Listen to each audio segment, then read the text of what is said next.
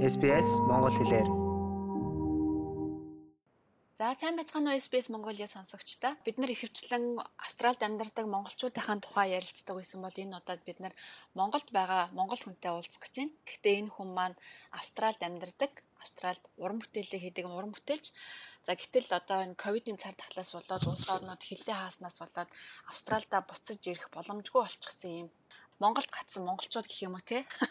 Тэр хүний нэг төлөв аа гам болд буюу гаваатай бид нар уулзаад байна. Сайн уу гаваа? За сайн байна уу?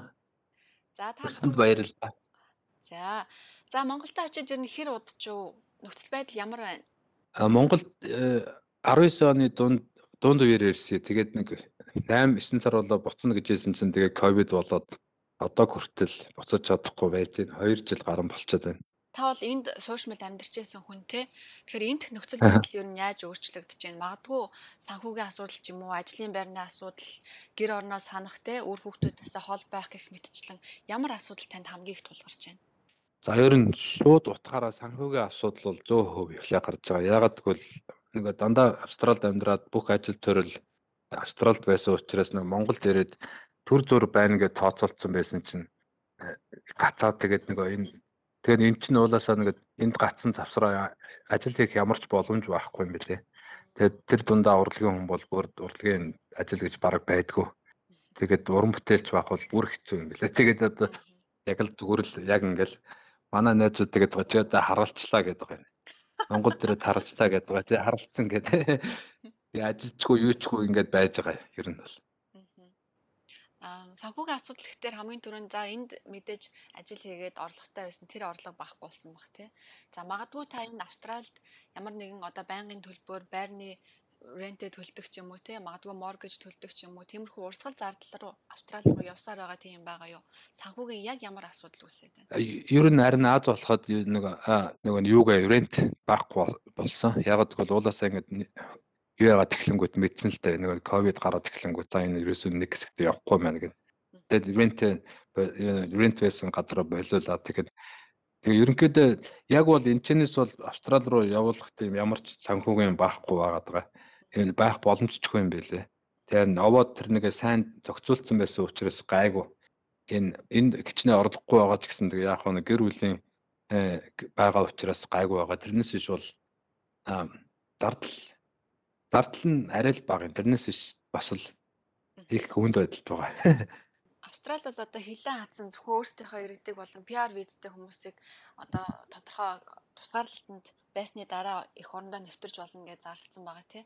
Та наашаа ирэх гэж ер нь ямар ямар оролдлогууд хийв? Одоо наашаа ирэхэд яг ямар асуудал танд тулгараад байна? Аа сая ер нь бол нэг хэсэгтээ бол уулаасаа карантин гэд байгаа. Тэрэнд 2-7 хоног тэгээд дээрээс нь билет нь өрөөсөө олдохгүй байсан. Уулаасаа авъя гэд ч байхгүй байсан. Хилээ хаалттай учраас нөө холбогдохгүй Тэгээд тийм асуудлууд байсан. Тэгээд саяхнаас харин энэ 11 сар гараад бэлдэтнүүд орж иржээ лээ. Тэгээд бас нэлээ үнэтэй байлээ. Ойролцоогоор Монголоор нэг 4 сая 300 гард нэг талдаа насгэр бэлэт байгаа. Тэгээд саяхнаас нэг бэлэт урд нь ирж очихын л нэг 1200 300 доллар өгдөг гэсэднэ. Одоо нэг талаар дайраад ирэхэд Бээжингээр одоо бараг л 4 сая 300 гэжсэн. Сая би саяхан нэг нэг талдаа ганцхан удаа Э-трансаар асуусан чи харин байлээ. Тийснээс гадна энэ дээрэд бас нөгөө тусгаарлалтын мөнгөө өөртөө төлөх хэрэгтэй байсан гэхээр зардал нэлээд өндөр. Харин тий 2-7 хоног энэ тий ингээд бараг 100000 доллар болох гэсэн юм шүү бараг л. Миний хувьд бол ингээд бас яг хүлээгээс өөр аргагүй болсон бас санхүүгийн маш хямралтай учраас яг хүлээхгүй болохгүй байсан л да. Тэгээд хүлээхгүй байлаа гэсэн чи явах боломжгүй л байлаа л да сая. Тэгээд одоо тэгээд 11 сарын сүүлээр явах гээд билет авсан байгаа л да. Тэгээ бас нэг нэг асуудал байгаад байгаа. Яасан гэсэн чинь явахаас өмнө заавал тест өгөөд хэрвээ ковид байхгүй тохиолдолд нэсэн хэрвээ ковидтэй байх юм бол бас энэ билетээр шатах асуудал байгаад байгаа. Энэ айгүй сонин сонин юмнууд байд юм бэлээ. Энэ иншүрэнс байхгүй Монголоос ингээд юм авах ингээд жоохон хэцүү санагцаа.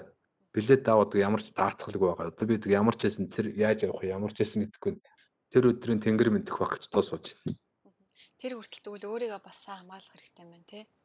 Тий тийм бас хамгаалах хэрэгтэй. Гэхдээ бас нөө яг үзэсгэлэн гаргаад ингээд энэ юу яаж байгаа бас нэг бүх юмнаас хамааралгүй байж бас болохгүй байгаад байна. Одоогийн байдлаар бол айгүй гайгүй байгаа л да. Ямар ч гэсэн Вакцин бас хийлгсэн байхыг шаардж байгаа. Та вакцина хийлгэж амжсан уу Монголд? Вакцина хийлгсэн байгаа. Яг эхлээд 5 сард 6 сард хийгээл дууссан байгаа. Хоёр нөгөө хятадын вирусэл гэдэг вакцин хийсэн байгаа. Одоо нэг 3 дахь тун Pfizer хийлгэж байгаа. Тэгээд сая нэг хэсэг хөдөө байж байгаа дээрс одоо хийлгэнэ. Ерөнхийдөө бол нэр New South Wales бол одоо очиход бас юу юм бэлээ? PR residence болохоор карантин байхгүй байгаа. Хэрвээ нөгөө тест нь л позитив гарчихгүй бол ер нь карантинг болж байгаа. Болцсон байгаа 11 сарын 1-ээс болоод. Вакцинтай бол тий. Тий. Одоо энд чинь вакцинтай вакцингүй хүн гэдэг чинь айгүй ялгаатай болоод шүү. Кафед орж кофе уухаас эхлээд вакцинаараа ялгагдаж штэ. Йоо за за. Энд энд бас айгүй нэг хэсэг тэгж байгаа бас гайгүй болж байгаа. Гэхдээ Сидней бас адилхан байгаа юм бэл. Би бас нөө баян нөгөө би нөө радиогоор мэдээлэл аваад байгаа л да.